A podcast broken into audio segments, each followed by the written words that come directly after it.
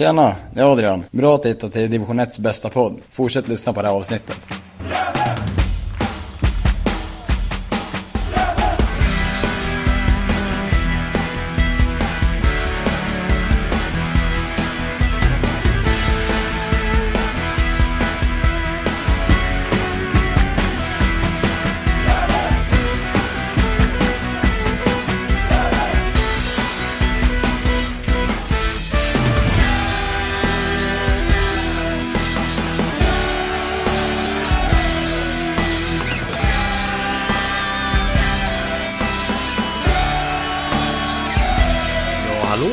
Vänner och hjärtligt välkomna till Gävlepodden nummer 181.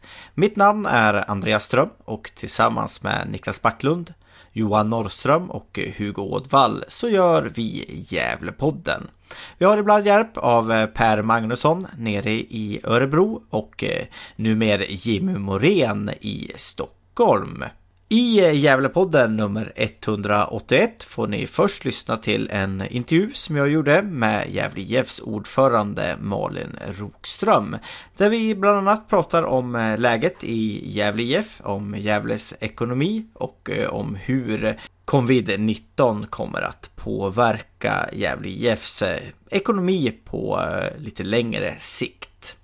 Efter detta får ni lyssna till ett eh, snack som eh, jag hade tillsammans med Niklas Backlund och eh, Jimmy Morén.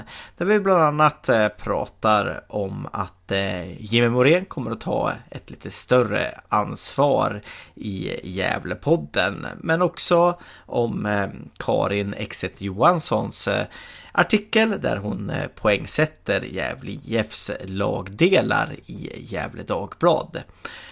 Vi pratar också om eh, nyförvärv eh, och eh, igen om eh, hur vi ska få in eh, Jaja Kalabane i eh, startelvan. Detta och eh, mycket mer får ni alltså lyssna till i denna podd. Redigering och eh, mixning står som vanligt jag, Andreas Ström, för. Är det så att eh, du tycker att vi i Gävlepodden gör ett bra jobb Surfa gärna in på www.patreon.com Gävlepodden och skänk minst en dollar i månaden till oss. Vi finns också på sociala medier såsom eh, Facebook, Twitter och eh, Instagram. Gå in och eh, like oss där eller gå med i vår grupp på Facebook. Med det sagt så vill jag önska er alla en trevlig lyssning.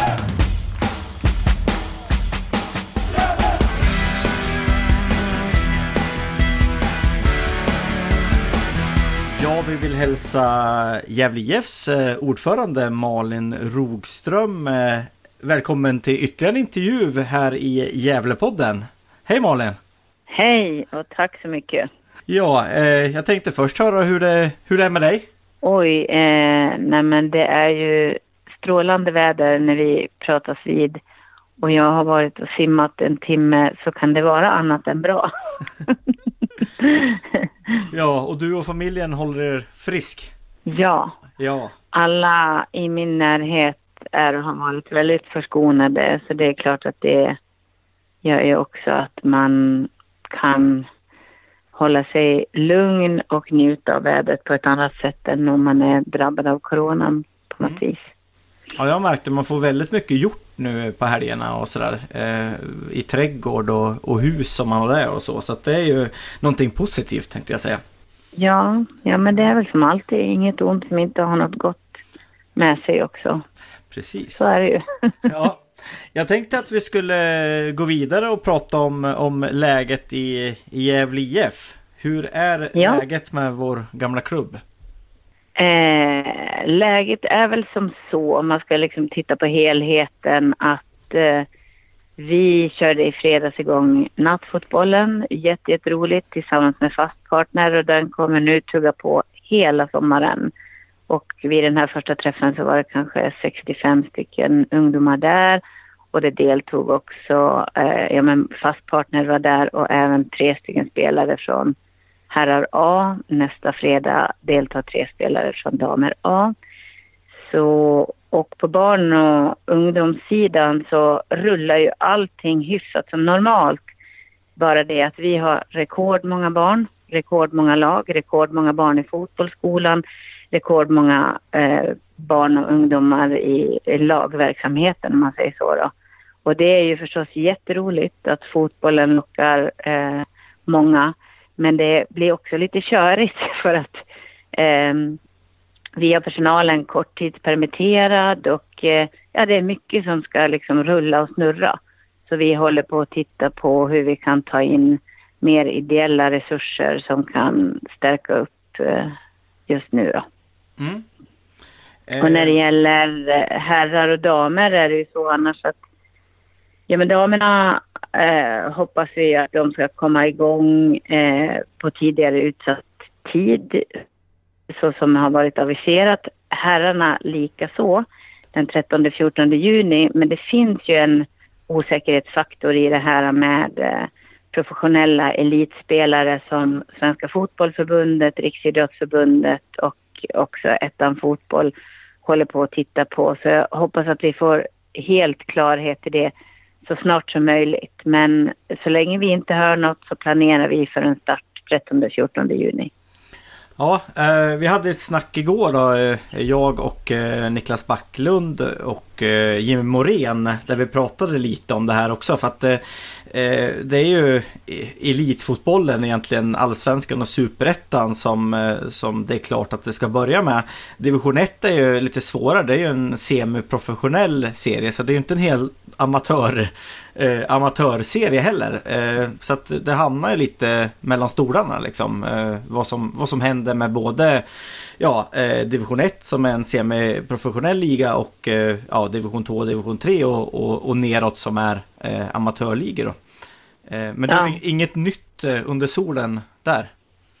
Nej, inget nytt utan de här olika parterna håller på att tolka det här och framförallt så väntar man ju på att också få läsa ordentligt eh, det direktiv som kommer från Folkhälsomyndigheten i fredags. Som jag förstår det så var det direktivet inte helt färdigformulerat och liksom utformat i skrift. Men det behöver man ju läsa och kunna tolka då. Um, så den dialogen kommer nog att eh, pågå i början på veckan här men vi hoppas att vi så snart som möjligt får klartecken. Eh, om, man, om man säger här att, att vi skulle komma igång då eh, 13-14 där och eh, komma igång utan publik såklart. Eh, hur, hur, kommer det här att påverka Gävles eh, ekonomi då? Att man, man kommer få spela sina, sina hemmamatcher utan, utan eh, stöd från, från läktaren eh, rent ekonomiskt? Ja, det är knappast förvånande. Det var väl det besked som, som i sådana fall var att vänta. Just att det blir utan publik eh, tills vidare. Eh, och det, vi, det är fullt förståeligt. Vi har stor respekt för Folkhälsomyndighetens riktlinjer och så. Eh, men det är klart att det är tufft. Vi är ju en av de få division 1-föreningar som kan ha hyfsat mycket publik på våra matcher och eh, vi är delvis beroende av den publikintäkten för vår ekonomiska helhet. Eh, så det är tufft, men vi gör vad vi kan. Eh, korttidspermitteringarna har ju liksom varit en del av det. Vi förhandlar också med Gävle kommun om hyran, både hyror på Gavlevallen men också planhyror och annat så för att kunna sänka alla kostnader så mycket som möjligt och vi ser över alla kostnader där vi kan dra, dra in, drar vi in. Ehm, och tittar ju även på alternativa sätt för hur man kan lösa saker och ting men där finns det liksom ingenting klart än. Men det är klart att det är en, en ekonomisk smäll för oss att få spela utan publik och såklart inte heller samma upplevelse för fotbollen, spelarna, laget och sådär. Men som sagt, eh, när det gäller att rädda liv så går det först. Vi har full respekt för det. Finns det liksom, kommer det att komma sådär att man kan söka bidrag som, eh, som förening på, eh, på, på tapp på grund av det här? Eller liksom, har ni kollat något på de möjligheterna och vad, vad har kommit ut där? Jag vet ju att pengar är avsatta till, till idrotten eh, på, på vissa sätt. Men kommer det här att komma Gävle IF till, till gagn också? Som du säger så är vi ju en av de få klubbarna i division 1 som kanske drabbas eh, ganska hårt av, eh, av att inte spela inför, eh, inför eh, eh, publik på, på Gavlevallen.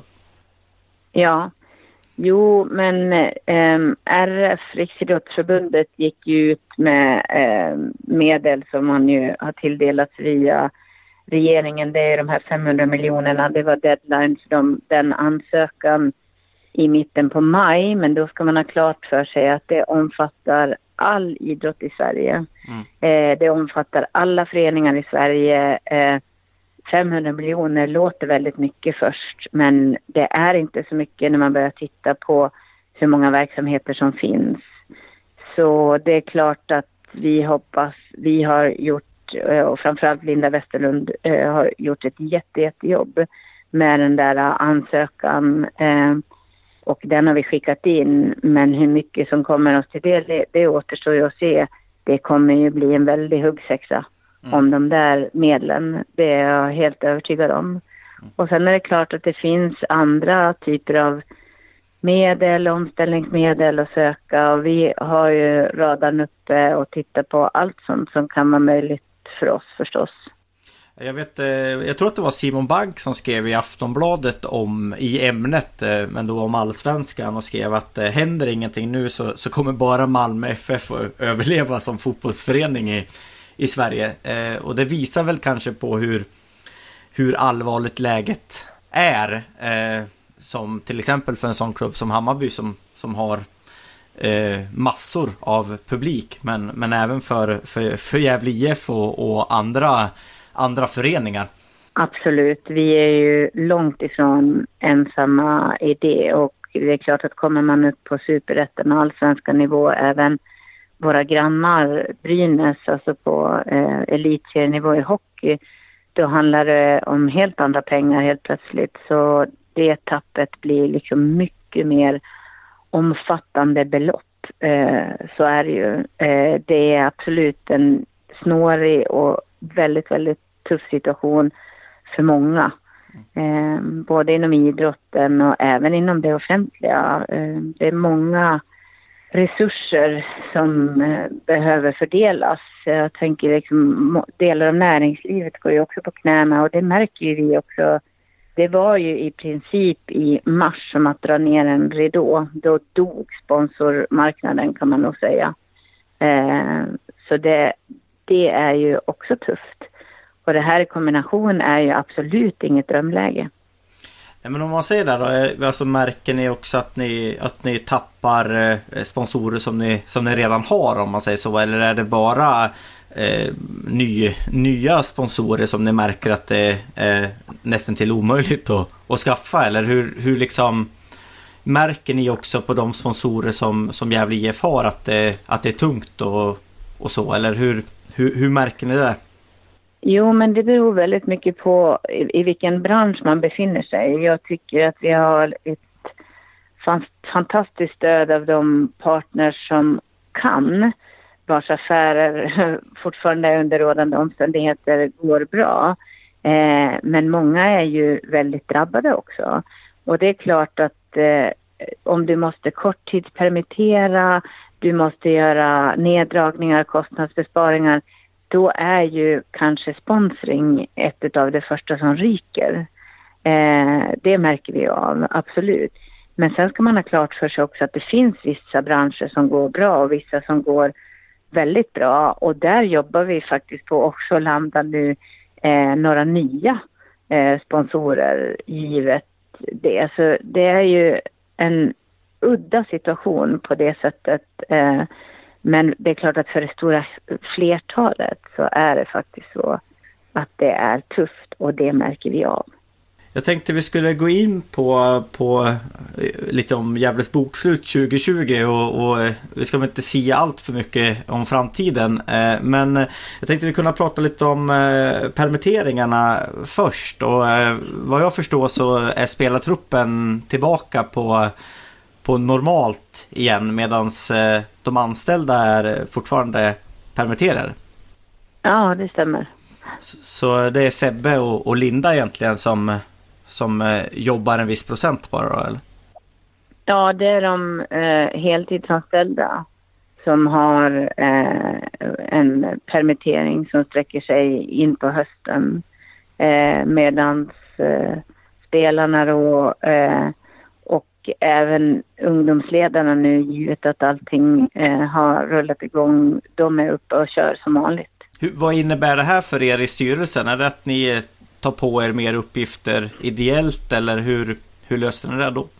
Jo, men så har det ju blivit. Att det blir väldigt mycket mer som måste lösas av oss alla tillsammans. Och det gör att vi tittar också nu mycket mer aktivt på ideella resurser som skulle kunna gå in och hjälpa till med olika saker. Eh, eh, vi har ju till exempel ingen eh, kommunikatör och har inte haft det på länge, länge i Gävle IF. Och det är klart att när eh, kanslipersonalen inte finns på plats i lika ut, hög utsträckning och kan svara i telefonen, svara på frågor till exempel, då, då blir behovet av intern kommunikation och även extern kommunikation eh, ännu större eh, för att hålla liksom, verksamheten rullande. Hur kan vi lösa sådana saker? Eh, även när det gäller att jobba med ekonomin, för det gäller liksom att uh, ha brandkårsutryckningar på kort sikt men även kunna liksom utveckla på lite längre sikt framåt eftersom vi vill bygga kapital för att kunna satsa eh, framåt. Eh, så det den typen av resurser som vi försöker titta efter. Någon eller några som kan gå in och, och hjälpa med olika typer av saker som stöttar de spelarna bland annat. Och sen så är det klart att det behövs också resurser på barn och ungdomssidan men där gör Anders Berg ett jätte, jättebra jobb och vi har så otroligt mycket nu unga, fina, bra ledare ifrån stadsdelen Anders Berg som gör ett jättejobb med våra lag till exempel. Och eh, akademi, killar och tjejer som hjälper till med fotbollsskolan och så vidare och så vidare det är väl fördelen med att vara en stor förening att det finns liksom också många som kan hjälpa till lite mer. Eh, jag tänkte vi skulle gå över lite på ja, både 2019 först och 2020s bokslut. Eh, eh, vi ligger ju på ett, ett, ett minuskapital Gävle och det har vi ju har vi gjort eh, något år nu. Eh, nu kommer inte jag ihåg exakt siffra på, på vad man hade tänkt sig i, i plus där till, eh, till 2020 men eh, var det en halv miljon eller liknande va? Någonstans. Ja, vi gick en halv miljon plus eh, 2019 vilket gjorde att vårt negativa egna kapital ja, men förbättrades mm. då, då. Så nu ligger det ungefär på eh, ja, drygt en, en och en halv miljon minus kan man säga. Och det är klart att det ligger absolut i vårt intresse med elitlicenser och annat att vi inte ska ha ett negativt eget kapital och då behöver vi gå med vinst mm. för att det ska hända. I det här läget så är det kanske det är svårt att, att gå med vinst utan satsar man liksom på ett, eh, på ett plus minus noll eller hur, hur tänker man eller hur tänker ni? Ja, jag tror skulle vi fixa ett plus minus noll den här eh, säsongen så får vi nog vara väldigt glada och nöjda faktiskt. Eh, så är det. Eh, I dagsläget är det svårt att sikta på något annat. Eh, jag ser inte att det är realistiskt att tro att vi skulle kunna generera något överskott i år givet den situation som är. Nej, och sen tänker man nu, nu kanske inte Gävle satsar på att gå upp i år, men eh, allting kan ju hända, hända i en serie när det kommer igång liksom. Hur, ja. hur, hur kommer eh, liksom elitlicens, eh, hur kommer det att ses på det tänkte jag säga, för att det är nog ganska många föreningar som kommer att gå, gå minus i år i superettan och, och eh, ja, i allsvenskan också liksom. Och det är ju som sagt var ett, ett, ett speciellt år, men om du, om du skulle spekulera så kanske det finns en del kryphål i det där i år. Ja, nej men eh, det är jättesvårt att spekulera. Eh, jag har inte jättegod insyn i eh, de andra föreningarna, vare sig i division 1 eller i superettan och allsvenskan. Men jag vet ju och hör ju att det är väldigt, väldigt många som har det väldigt tufft. Eh, Och det har ju också förts, förts fram krav på att elitlicenskravet nu ska eh, tas bort och sättas på undantag givet coronan och annat. Så mm. eh, det lär vi bli varse och få se vad som händer. Så det är ett väldigt tufft krav för många nu. Jag tänker bara på, jag har ingen aning, men jag tänker till exempel på Brage som ändå har den stora barn och ungdomsturneringen Dalecarlia Cup som bör vara en jättestor intäktskälla för dem. Eh, den kommer inte kunna spelas i sommar. Samma sak med Gotia Cup som är en jättestor intäktskälla för Häcken och andra. Den kommer inte att kunna hållas och så vidare. Så det är klart att det här kommer ju att rita om kartan för oss alla på många sätt. Eh, vad som helst kan hända. Det, det, är väl egentligen det. Så vi jobbar ju med flera, flera olika parallella scenarion samtidigt för att kunna vara så väl förberedda som möjligt. Men det är ju tufft. Ja, vi får hålla alla tummar och tår att det kommer igång nu eh, eh, som det är sagt i, i juni. Eh, och att man eh, hittar en lösning på, på det här med, med bortfall för, för publik och så. Gävle IF har ju funnits från 1882. Vi hoppas att det ska finnas i 100 år till. Eh, så att, eh, jag tackar eh, Malin Rogström för, för intervjun. Tack så jättemycket och jag tänker också det som är positivt mitt i allt det här. Det är att det här är en väldigt eh, kristränad organisation. Vi har haft det tufft nu under flera år. Så ur den aspekten så eh, känner jag mig väldigt trygg och ser i hur ja, men vi kommer tillsammans och försöker hjälpas åt. Så vi ger ju absolut inte upp i första taget. Det är klart att vi ska klara det här också.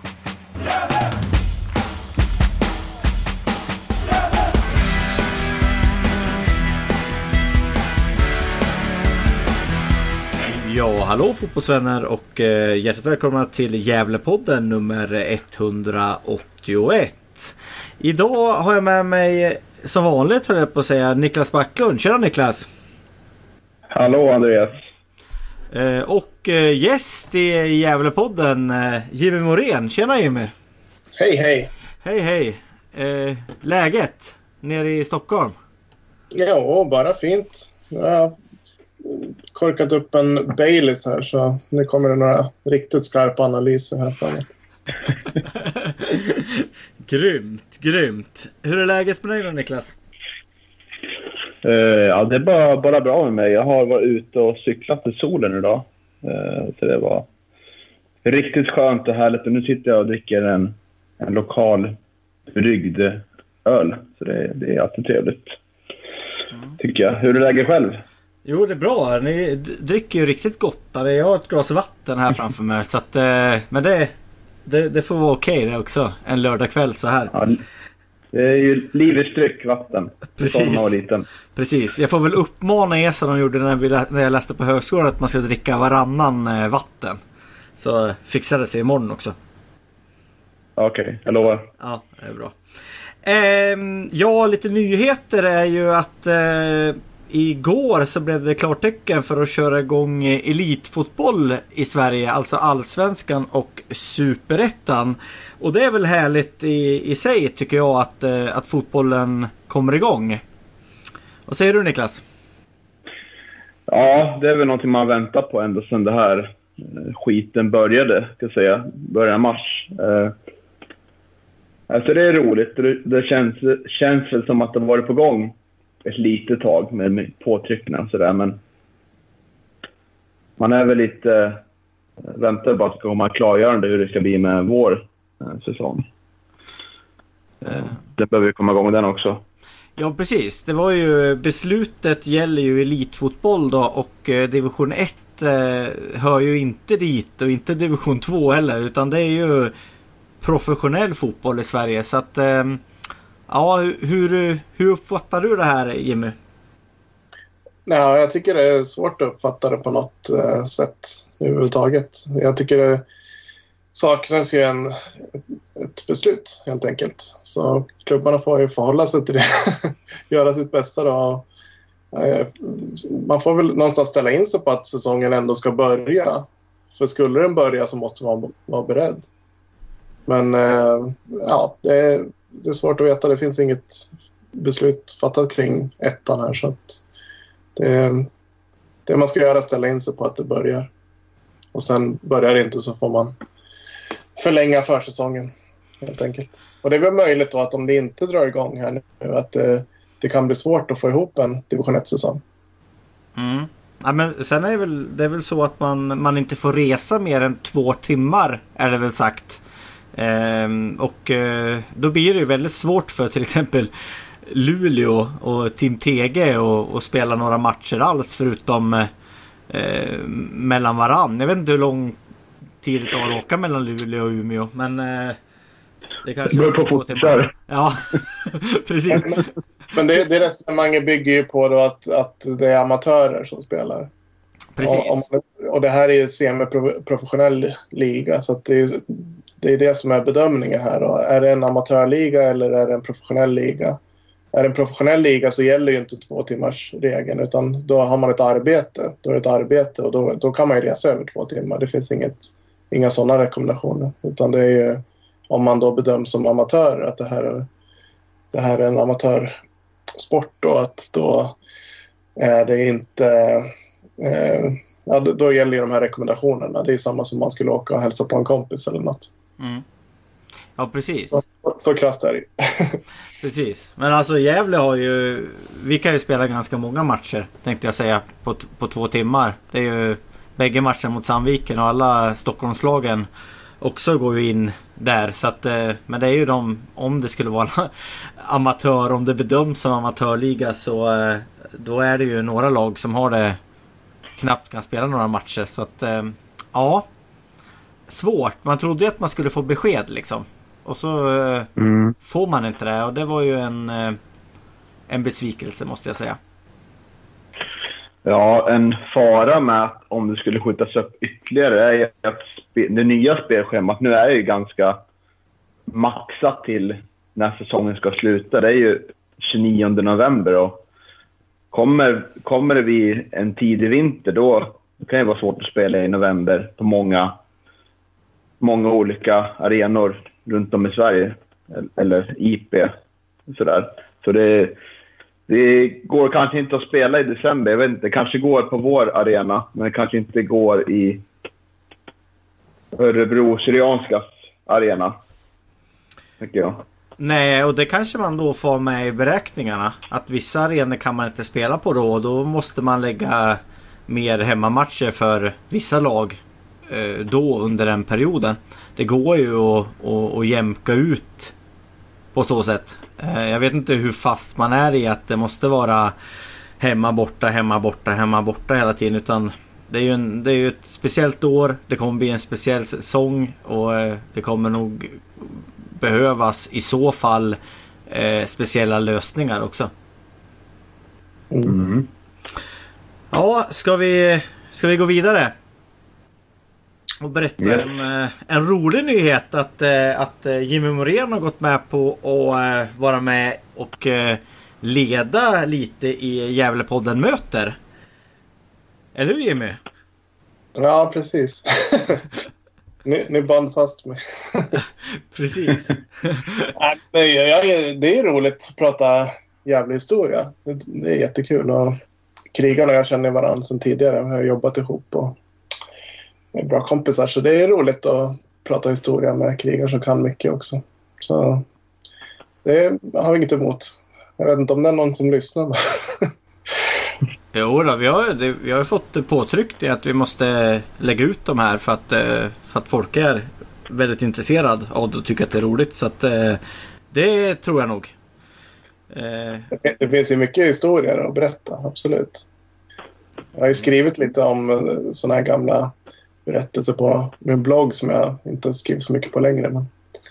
Alltså det, det finns ju otroliga historier. Man kan, det, är liksom, det drog igång 1896 så det är ju det är många år som, som det kan byggas upp eh, stories och många, många historier som glöms bort.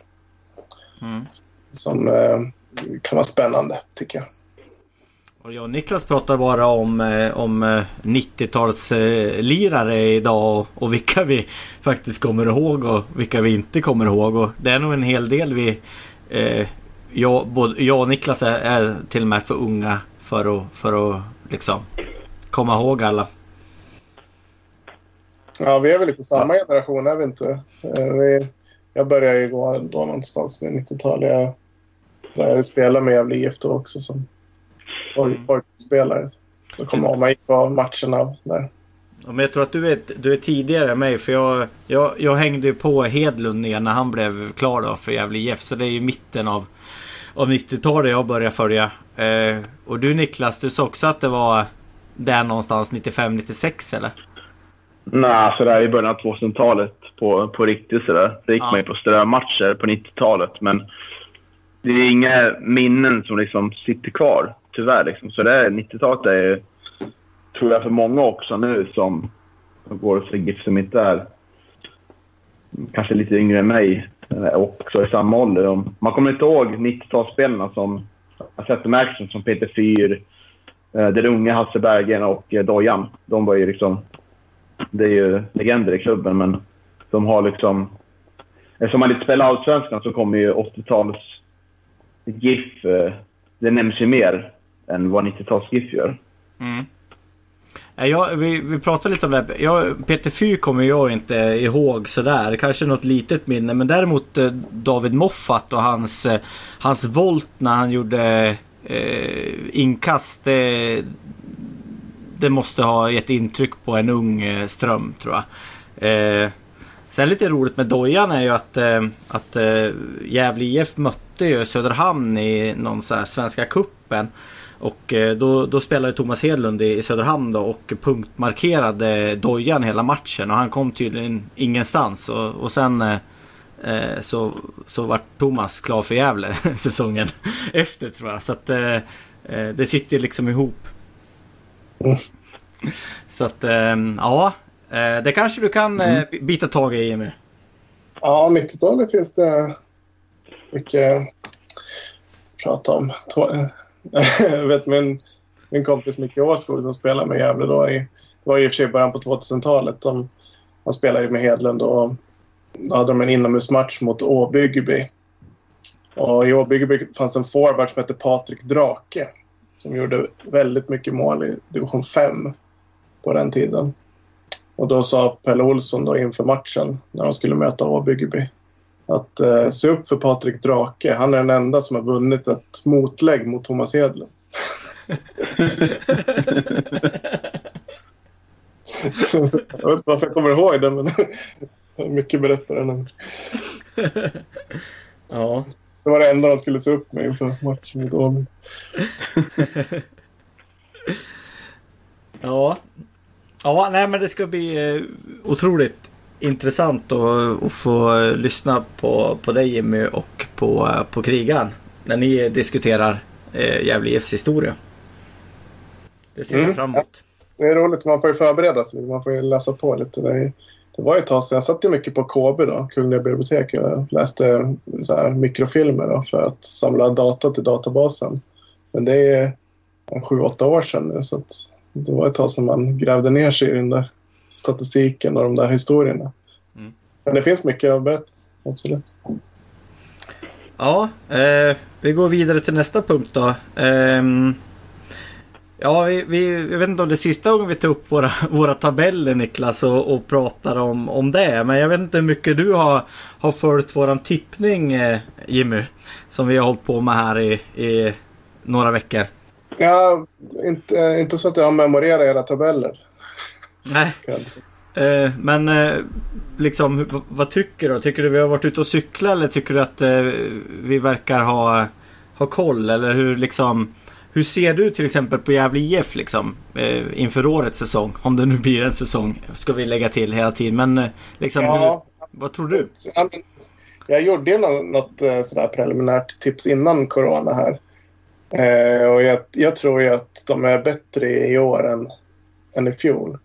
Sen tror jag liksom att allt kommer bero på hur den här säsongen blir. Nu ska de spela alla matcher och ska...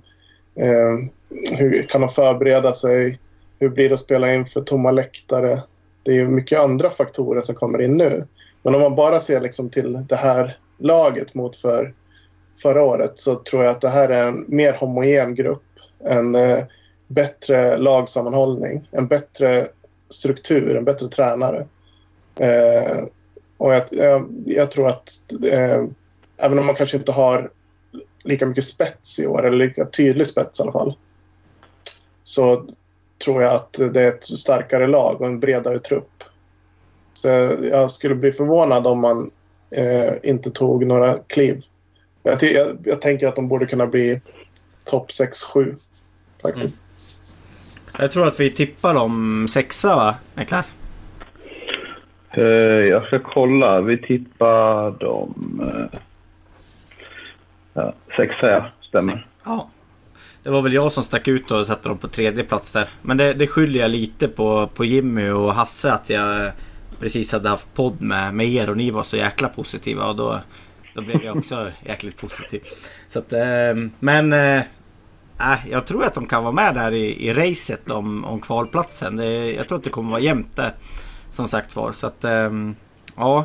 Eh, du då Niklas, om du fick ångra någonting i din tippning, vad, vad skulle du ångra? Uh, ja, jag skulle ångra Sollentuna som jag tippar nionde plats. Uh, tror att de får betydligt uh, tuffare år. Jag tänker på att de har tappat. Eller att truppen inte, inte ser lika intressant ut som jag tyckte den gjorde. Med Pashang Abdullah som lämnade Sollentuna i slutet av uh, mars, april eller vad det nu var. Så de, tror, de skulle sitta på en annan plats. Sen blir det ju återstår att se hur, hur vet du, Iko Frey klarar sig på tredje plats. Det är jag lite osäker om. Om de klarar det här turbulensen som har varit och sånt. Men det är lite som det Jimmy säger, det är en extra dimension allt det här eh, med corona. Att de har inte spelat några riktiga matcher nu på eh, två månader. Och det, det är två och en halv till och med. Och det kommer innebära liksom att hur de hanterat det här uppehållet kommer bli superviktigt inför säsongen. För det kommer bli ma två matcher i veckan vissa veckor. Och då, då finns det inte så mycket träningar att rätta till felen. Och som det ser ut i Allsvenskan och Superettan nu så kommer det starta utan träningsmatcher. Då kommer det bara gå rakt in och spela. Så stor nyckel till, till alla lag och det blir hur man har hanterat det här långa uppehållet. Att man har jobbat på rätt saker. Men annars är jag nog ganska nöjd med min tippning tror jag. Mm. Förutom det sagt. Ja. Vad, vad är du då Andreas? Vad är det vad ska du ändra på? Allt? Ja, det, nej, nej. Eh, jag är väldigt nöjd med, med de tre sista lagen måste jag säga. Men jag är nog också inne på det här. Jag har ju Sollentuna som sjua. Och eh, ja, de har nog åkt neråt i min tabell medans IK Frej som jag som nia har åkt upp lite. Ehm, jag vet inte, jag gick mycket på att IK Frej, jag tror att att, att, ja, att de skulle få någon slags baksmällare av och, och eh, åka ner från superettan och att det var det, den klubben som liksom skulle få det lite jobbigt av, av de klubbarna. Men ja, ja, jag är också ganska nöjd ändå med en tippning. Kanske Gävle ligger lite högt och, och IK Frej ligger lite lågt. Men ja, annars så, så är jag ganska, ganska nöjd ändå. Jag tycker att eh, Karin Exet Johansson skrev en ganska rolig genomgång av eh, Gävles trupp på GD där hon eh, går igenom lagdel för lagdel och eh, betygsätter eh, på en skala till, jag tror det är 1 till 5.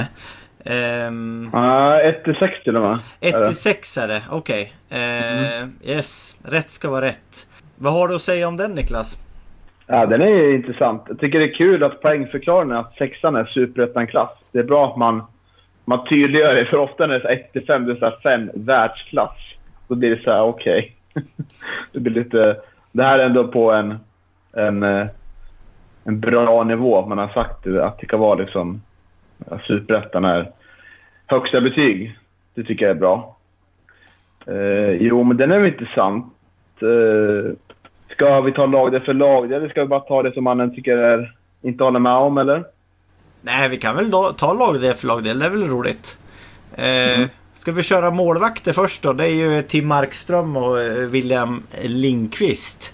Eh, mm. Och av Karin så får de en, eh, en fyra som är bra tror jag. Eh, vad skulle du ge dem eh, Jimmy? Mm. Det ser bra ut på målvaktssidan tycker jag.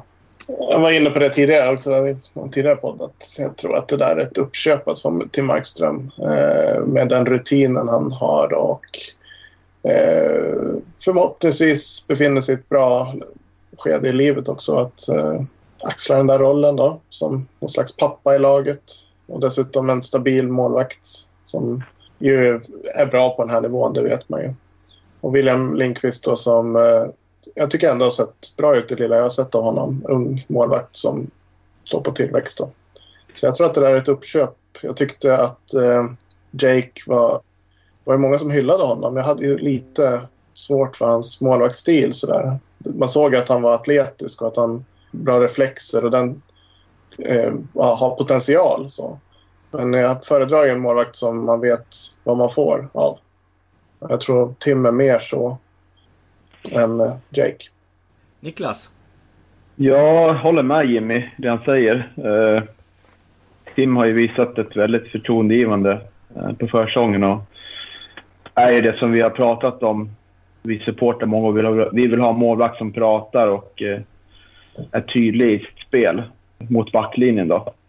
Så det, det, tycker jag att han är och kommer också bidra med. Det är väl lite oroväckande där om det kan bli en skadefylld säsong. Det var en skadan på försäsongen, men han verkar reparera sig mot den och vi får hoppas att han håller sig kry under hela säsongen. Jag vet inte om William Lindqvist är redo än, även för att jag tycker att uh, han uh, såg bra ut på försäsongen. Absolut.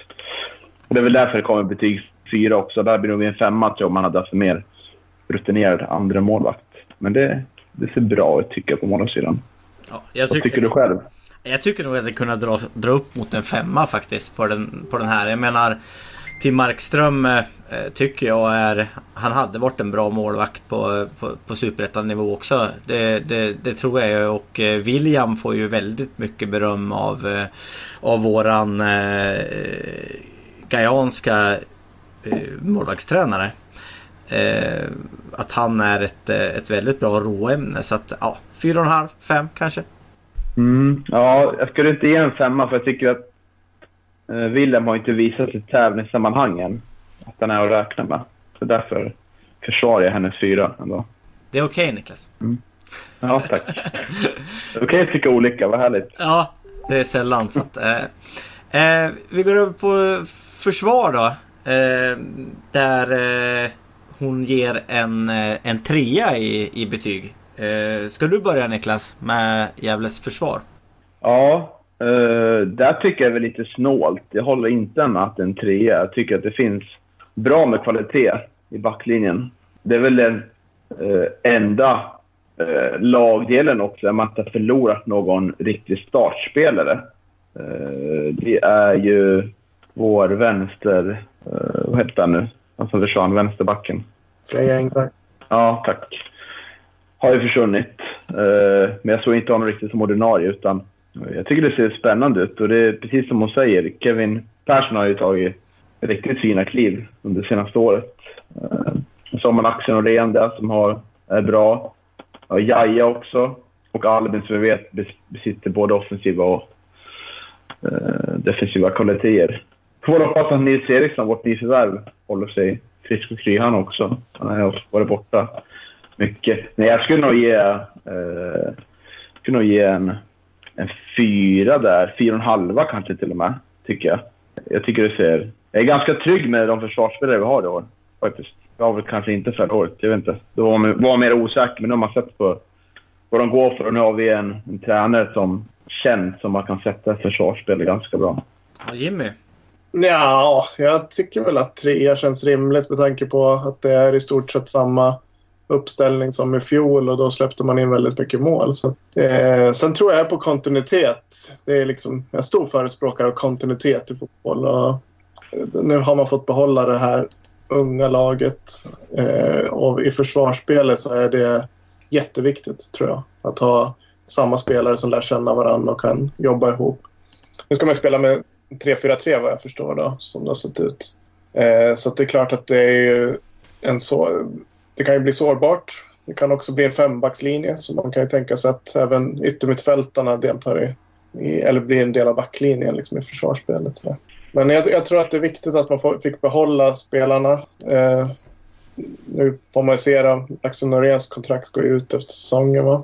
Jaja lär väl kanske inte heller bli kvar. Så, men de övriga får man ju hoppas liksom. Det finns ju liksom en stomme med Louis Kangas och Kevin Persson. Ejeblad tror jag är med i det gänget. Och så de här eh, gamla eh, sönerna till de gamla Gävlespelarna. Så där. Det finns ju en stomme i, i Gävle som man hoppas kan bli kvar och bygga upp någonting. Ungefär som Gävle gjorde på eh, år 2000 där när man åkte ut till division 2 och sen tog sig upp igen med ett helt eh, eh, nytt lag med en stomme då som hade Gävle-koppling och sen tog dem hela vägen upp till allsvenskan. Och så där. så att, eh, jag hoppas att man kan behålla det för det här är liksom ett lag att tycka om. Ja, jag håller faktiskt med båda.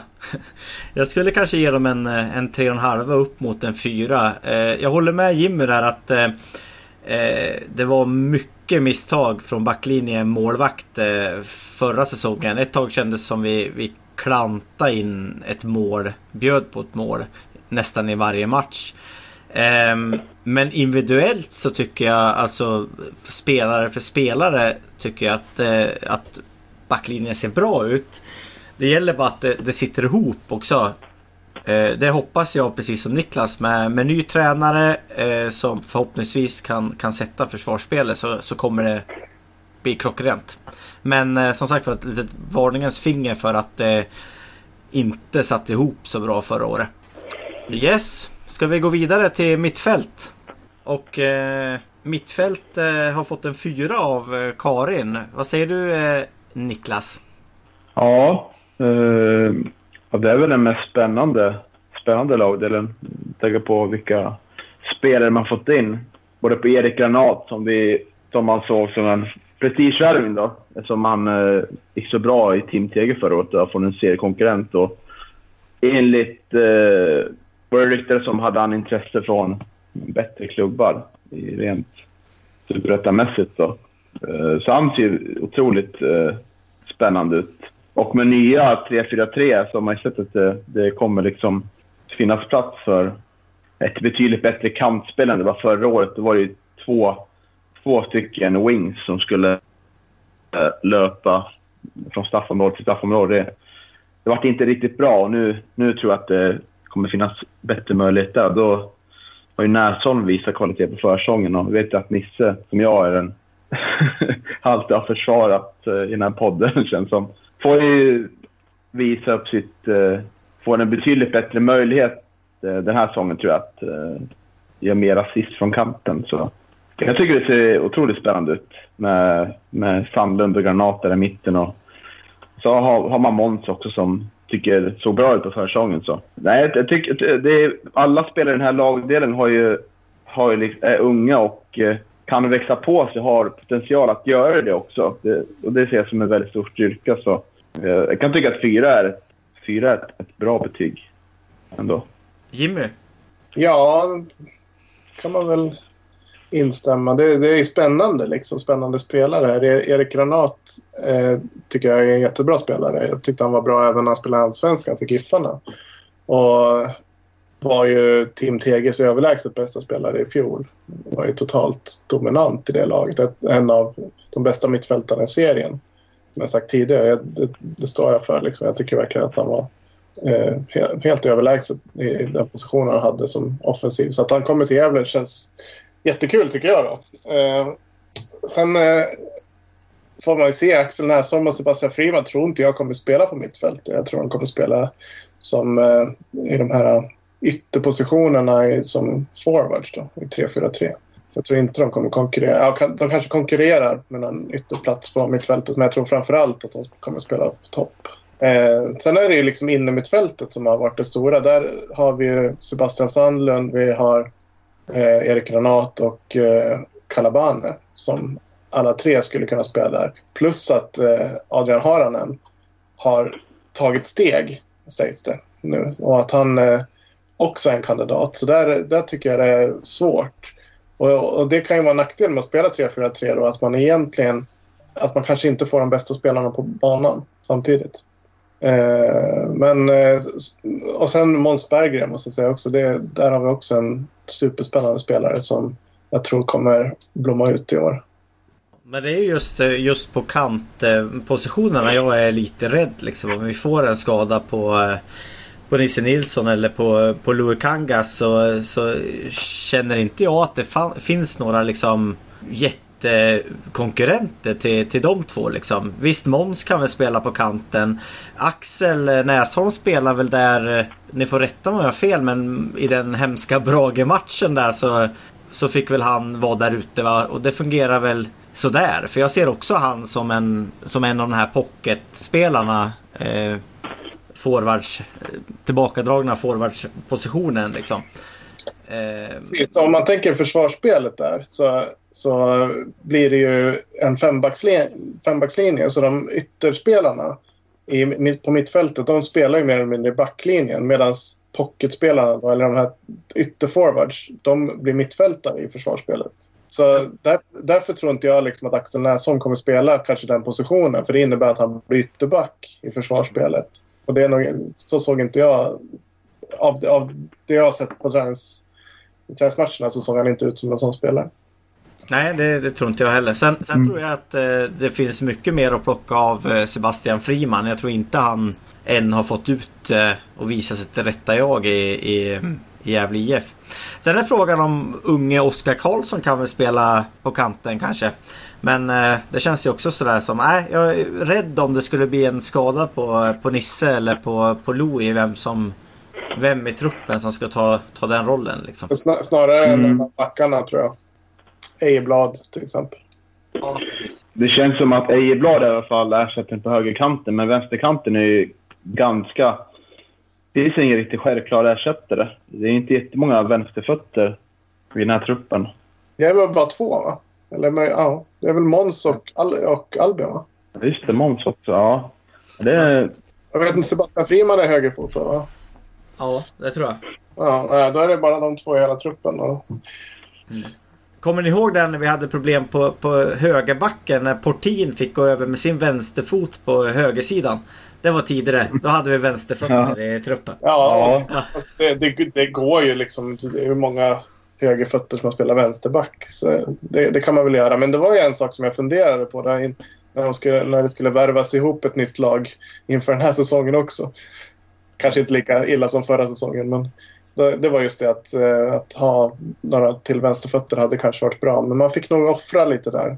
För att uh, han ville bygga det på sitt sätt och ta in de spelare han ville ha då fick han nog offra det. Han hade nog gärna sett en vänsterfot till tror jag.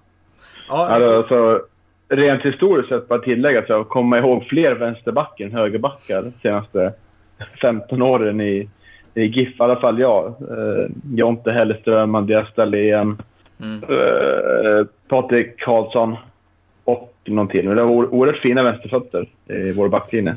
Det är, för, det är för att vi alltid har fått tvinga ut en mittback på höger höger, eh, höger bredda kanten. Jag har sett Bernhard spelade där i tio år. Ja, ja, ja, ja, det gjorde han i och för sig. Men han var ju, han var ju höger mittfältare från början. Det var därför han vann skytteligan första året i, i, i, i Allsvenskan. Där. Eh, men då var han inte högerback eller? Då var han ju höger mittfältare. Ja, precis. Åtta mål gjorde han första säsongen. Ja, ja, helt sjukt. De flesta på huvudet. Han kom liksom insmygande på något sätt. Ja. ja. Ha, ska vi raskt gå över till, eh, till anfallet eh, och prata lite där. Karin har gett en, en fyra och eh, Chuchus räknas som anfallare här också i, i hennes uppställning här. Jimmy? Ja, men det tror jag att han kommer, han kommer spela där. Eh, sen tror jag att eh, Isak Lidberg spelar som center. Centertank. Och Jakob Hjälte är nog en backup där. Mm. Eh, och de här pocketspelarna som sagt, de blir, de blir ju yttermittfältare i försvarsspelet. Eh, men ska spela då i någon slags ficka mellan ytterback och mittback. Eh, eh, och gärna felvända och hitta instick och vara liksom eh, mottagare som ska hela tiden vara rörliga och sådär. Och där har de ju, det ser man ju att han har ju ver, ver, verkligen heter typecastat för att hitta de där, eh, den typen av spelare med axlarna som Sebastian Friman. Jag förstår att han vill ha Chucho för det passade ju perfekt. Han är ju precis sån typ av spelare. Eh, Al-Hassan är ju en irrationell teknisk spelare som säkert kan göra saker från den positionen. Eh, så man kan, ju, man kan ju förstå att han vill ha in den typen av spelare. Och sen tror jag liksom att Isak där kommer att vara eh, den som gör målen och spela eh, ganska stationärt i straffområdet. Det känns ju, det känns ju som att, eh, som du säger, att, att Hjälte konkurrerar med, med Lidberg då. Och att eh, Al-Hassan, Ciuciu, Friman och Näsholm konkurrerar om de två eh, ja, pocketspelarna eller ytter, Och- ytterforwards. Och Måns, Måns tror jag också. Och Måns, precis. Mm. Och så får Måns vara backup till eh, Louis på vänster Vänster wing eller vad man nu ska kalla den, den rollen i det här systemet då. Eh, Ja. Men vad, vad tycker du om en fyra då Jimmy? Är det okej? Ja, det är svårt att, svårt att säga. Det finns ju lite potential liksom. Det, det, är många, det är många spelare som man tänker att de, ja, med rätt omgivning, rätt förutsättningar så kanske det kan bli bra. Men det, det är flera. här, Jakob Hjälte vet man ju har eh, spelat på hög nivå och har eh, erfarenhet. Han borde liksom med en bra säsong kunna eh, få utdelning också. Nu ser det väl ut så som att han igen ska bli inhoppare. Då. Mm. Isak Lidberg är ju sån som har haft det tungt i Norge men eh, har varit en stor talang. Eh, möjligtvis är det att blir det rätt förutsättningar så kan han blomma ut. Ciuciu, precis samma sak som Jakob, har haft eh, erfarenhet från högre nivåer. Eh, möjligtvis att han kan också få till det i rätt omgivning här. Och Al-Hassan såg vi förra säsongen att när han blixtrar till så är han ju ruggigt målfarlig. Eh, men kan han hålla en hel säsong och prestera? Kan Måns Berggren blomma ut så kan han bli riktigt bra. Men man vet ju inte riktigt så att jag tycker det, det är väldigt svårt att säga. Det kan bli fågel eller fisk. Ja, men som sagt var när vi har pratat med alla klubbar och så här så har ju Lidberg fått otroligt mycket beröm från andra lags tränare och så. Och att han ska vara på den här nivån liksom. En riktigt bra forward liksom. Sen har det ju sett intressant ut i träningsmatcherna liksom. Det känns ju som att han- han har potential att, att kunna bli den där målskytten liksom. Men sen kanske det är jätteviktigt att Hjälte liksom konkurrerar också. Eh, Så att eh, konkurren, konkurrenssituationen är ju är ju god på, på forwardssidan. Det tycker jag. Verkligen. Mm. Ja, men det är ju sju, sju spelare som konkurrerar om tre platser, så det är ju stenhård konkurrens. Jag tycker det känns ju ganska öppet, förutom på Lidbergs position som eh, nia då, kan man säga. Han kommer ju starta. Eh, sen är det ganska öppet där. Jag får ju också intrycket från Lidberg att han är, det är en spelare som inte han är, lämnar något för slumpen. Att han tar allt väldigt eh, professionellt och ger det extra. Så Nej, det ska bli väldigt intressant att se, se honom. Det är en helt annan attityd på han än våra två, ja, utan att nämna några namn, våra två startspelare på topp förra året som inte kanske hade arbetskapacitet som sin främsta styrka och professionalitet heller. Så är ju Lidberg motsatsen till det, får man ändå säga. Men det är, det är spännande, oerhört intressant. Eh, Sutsu har ju också överraskat på mig för säsongen, så det får väl hoppas att eh, Bengtsson kan ge honom eh, en ny, ny kick i karriären. För det vore ju kul att se honom verkligen blomma ut till den här, till den här killen som man såg avgöra mot Varberg i Svenska cupen där på Strömvallen för massa år sedan. Ja, så det ska bli ointressant att se. Det är ganska öppet där, som sagt, tycker jag. Kul med att det är ganska öppet också. Ja, ska vi vandra vidare till, till nästa punkt? Eh, jag hoppar lite i schemat här så att ni vet. Men eh, eh nyförvärv. Det plockas ju in eh, lite spelare fortfarande i, i svensk fotboll. Och, eh, och om det nu skulle finnas några pengar. Var, vad tycker ni då att man ska förstärka om man skulle få in en spelare till? Jimmy? Ja, en vänsterfotad spelare i, i backlinjen. Backlund? Ja, det, det känns som en ganska rimlig eh, prioritering. Någon som kan konkurrera med, med Louis på den positionen han kommer att spela på, så vänsterytter. Så det är väl det man kommer tänka på så här av de matcherna man sett i år. Så det, ja, det skulle jag också lagt pengarna på. En kralj? Ja, det var trevligt. Undrar vad han, eh, hur det går för han i Norge. Det går ganska bra tror jag. Eller Frej Engberg hade varit bra kvar. Ja, så är det. Vi ska prata om en gammal bekant. Nämligen Erik Törnros har jag hört eh, tränar med Gävle IF. Eh, är det ett eh, nyförvärv tror ni? Mm, nej, det tror jag väl inte att det är. Eh, precis som vi pratade om anfallspositionen, att det är ganska fullt där. Och han skulle ju konkurrera då med Hjälte och eh, Lidberg och då är han tredje val där. Så det, eh, nej, det är nog mest bara för att han vill ha till träning. Så, och hans kvaliteter var ju inte någonting man gjorde en, en volt för när han var i klubben senast. Eh, nej, nej tack. Men eh, hur mycket berodde det på eh, de tränarna som var då och hur mycket berodde det på, eh, på Erik Törnros då? Nej, jag, jag tycker det är ja, svårt att säga såklart, men som vi har hyllat ganska många spelare nu som var med förra året. Men eh, i Törnros fall tycker jag det berodde mycket på, eh, på han. För jag tycker det var... Nej, det, det såg inte bra ut i bolltouch och, och inställning och, så, och kvalitet i hans spel. Jag tycker det var inte alls bra. Så. Nej, och det, det, det är inte den positionen vi kan förstärka heller. Uh, för jag, jag, tror att det bara är för att hålla igång. Mm. Hur, hur, många spel, gamla Gävle-spelare kan uh, Micke Bengtsson rädda Jimmy Morén? Ja, jag vet inte om man...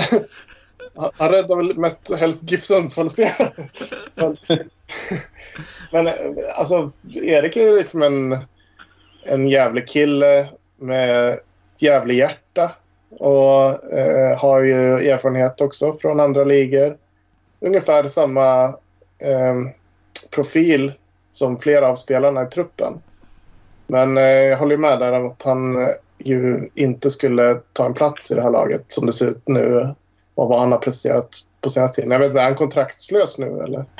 Ja, han sa ju upp kontrakt i Finland därefter. Ja, det var nog debacle var med, med tränaren och han kom väl lite utanför laget och, och lite sådär, tror jag. Ja.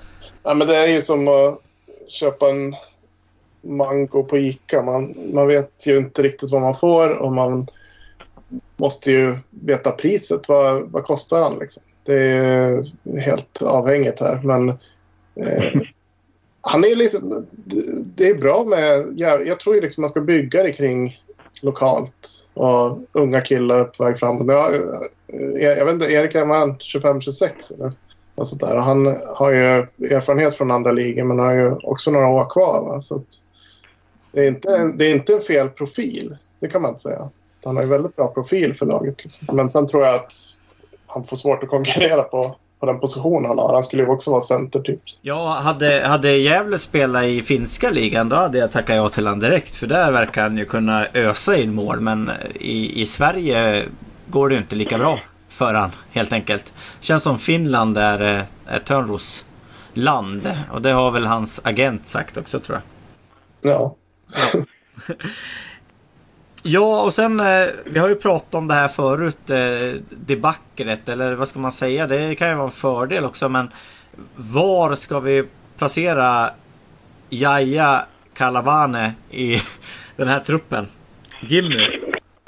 Nej, men eh, som jag sagt tidigare, det är nog på transferlistan han gör mest nytta för Gävle. Faktiskt. Jag tror inte han... Han, han, han konkurrerar inte eller han, det gör han kanske, men han, han, ska han spela då ska han spela som defensiv central innermittfältare. Och då konkurrerar han ju med Sebastian Sandlund. Och eh, av allt att döma så kommer ju Sebbe spela som central defensiv där. Och det innebär ju att ska, vad ska jag ta vägen då? Ja, då kanske de får sätta han i backlinjen som högerback. Och då betalar ju Gävle alldeles för mycket för en, för en högerback, eller för en innermittfältare som spelar högerback helt enkelt. Och som dessutom inte är något särskilt mycket bättre än, de, eh, än Ejeblad eller någon annan på den positionen. Däremot skulle Jaja vara en tillgång som central defensiv innermittfältare. Så det blir ett, eh, det är en liten paradox. Så det är, ja, jag tror att det bästa för alla parter vore att, att uh, försöka få en peng för honom. Åtminstone avlasta lönekontot och kanske få in en spelare med, med en profil som passar istället. Eh, och sen som jag varit inne på i en annan podd också, ett alternativ skulle ju vara att sätta Sebastian Sander i backlinjen och låta honom eh, sköta mycket av uppspelen. Det tycker jag vore intressant. Och det, har man ju, det har man ju sett tidigare andra lag göra som spelar just 3-4-3. Poja har gjort det vid flera tillfällen, att man flyttar ner en, en bollsäker mittfältare och spelar backlinjen för att starta upp spelen. För det är en så viktig del av eh, ett, eh, ett spelsystem som bygger på bollinnehav. Så jag, jag, är inte helt främmande för det heller. Det är ett sätt att lösa en situation. Liksom. Men annars, så, jag, jag, liksom, jag tror inte på att spela honom som Jaja som högerback. Det, det, det, jag tror inte det blir bra heller. Nej, jag, jag håller med dig Jimmy där att, att eh, som, som eh, inner ytterback om man säger så så eh, finns det andra spelare som är lika bra som honom och kanske har en, en större utvecklingspotential och då tycker jag att det är lite tjänstefel att, eh, att spela honom där.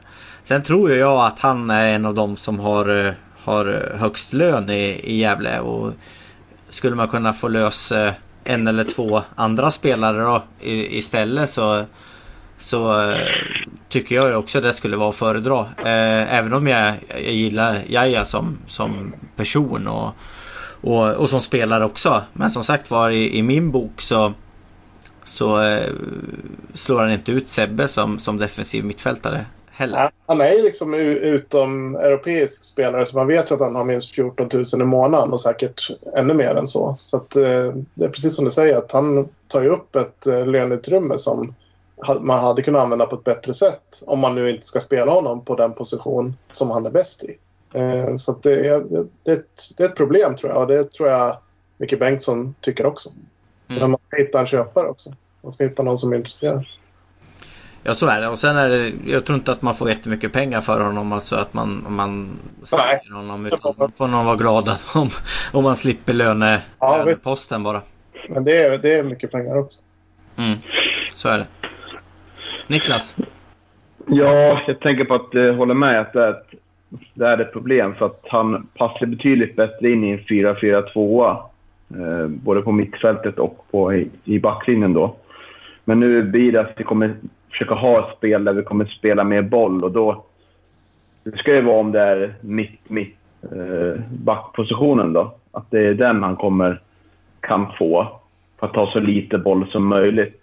Men jag tycker ändå inte att Norén är en sån som kan spela ytter i en, i en trebackslinje heller. För jag tycker hans eh, bollkvaliteter på försäsongen inte tydde på att han var riktigt bra på det. Utan, så, men det, det är lite det är intressant att säga Jimmy, det här med att han, om man flyttar, flyttar ner Sandlund där, eh, som skötte upp spelen. Det, det kan nog införa en annan eh, eh, dimension till mitt till backlinjen där som är intressant. För vi kommer vi kom ju ha matcher också där mot BP och Karlstad där, där vi kommer vara tillbaka pressen. Och då är ju Kalaban en tillgång på mittfältet, helt klart. Då är han ju en gigant. Eh, kunna störa andra spelare och eh, bryta bollen när han är som bäst. Mm. Eh, så det, det, är väl inget, inget fel heller eftersom, eftersom man, vi kommer inte få någon miljonsummor för Calabane. Så tycker inte jag heller att det kan vara fel att ha honom som som backup heller. Nej fast alltså jag, om vi säger att han kostar 20 då. Nu, vi vet, jag har ingen aning, men säg att han kostar 20. Jag menar hans den typen av spelare som han är, det är ju inget liksom Det finns ganska många sådana spelare eh, som du kan få billigare än, än det. Och då kanske du har råd med en vänsterfotad kille också och en sån liknande spelare som, som, som Calabane för för samma pris liksom. Så att eh, nej, ha han på bänken det för de, de pengarna det, det, tycker jag inte heller är, är optimalt. Nej, jag, jag håller med. Det, är, det, vore, det vore bra att kunna frigöra det med tanke på den ekonomiska situationen. Och nu är det väl ännu värre för Gävle IF. Liksom. Och de har ju ändå en hyggligt bred trupp nu. Så att, eh, hittar man en intressent så bör man nog hitta en lösning på det, tycker jag. Och om jag, tänker, jag skulle bara säga det om, om Sandlund där i backlinjen. Att, eh, han, det Sandlunds problem har varit tidigare och som gjort att han kanske inte eh, höll det på superettanivå det var, det var ju att han hade svårt med eh, spela bollen framåt helt enkelt. Han, var, han är väldigt försiktig. Eh, skicklig passningsspelare och bollhållare liksom, men eh, har svårt att spela bollen framåt. Och jag vet att eh, Micke har jobbat mycket med det nu. Att eh, få Sebbe att bli lite mer offensiv. Jag tyckte det här med eh, mot Sandviken, den träningsmatchen där, när han gjorde mål också och var planens bästa spelare. Då, visade, då kunde han spela bollen framåt, så jag tror att de har jobbat mycket på det. Och då, det gör det ännu mer intressant att spela honom i backlinjen med uppspelfoten då. Om han nu... Han har ju boll, han har ju tekniken, definitivt. Det handlar lite grann om självförtroende och sådär. Att, att uh, lämna sin comfort zone, tror jag, för honom. Ja, det hade varit kul att, att sett dem. För vi hoppas att de lyssnar på det då. Eh, Mehmet och eh, Micke. Eh, ja, det utgår, det utgår jag från att de, att de lyssnar på mig. Ja, eh, jag ska skicka, skicka den här podden till, till Micke på, på Messenger så att han är tvungen att lyssna. Ja, ja det, är, det är Bailey som, som, som talar. Just det. Ja, men det är väl bra att någon talar så att eh, det, blir, det blir bra. Eh, är vi nöjd så grabbar? Eller är det något mer? Jag är så nöjd alltså. Ja, det känns som vi är jättenöjda. Det får hoppas att det kommer någon positivt besked eh, kommande vecka då, om att vi har något att längta efter äntligen. Det tror jag det gör. Jag tror att det kommer ett besked rätt snabbt nu för det här går inte att gå omkring och vänta på utan det här känns ju som en, någonting som måste tydliggöras helt enkelt. Hur man ska tolka det här. Ja, vi hoppas. Håller alla tummar. Ha det gott grabbar! Ha det bra! Hej!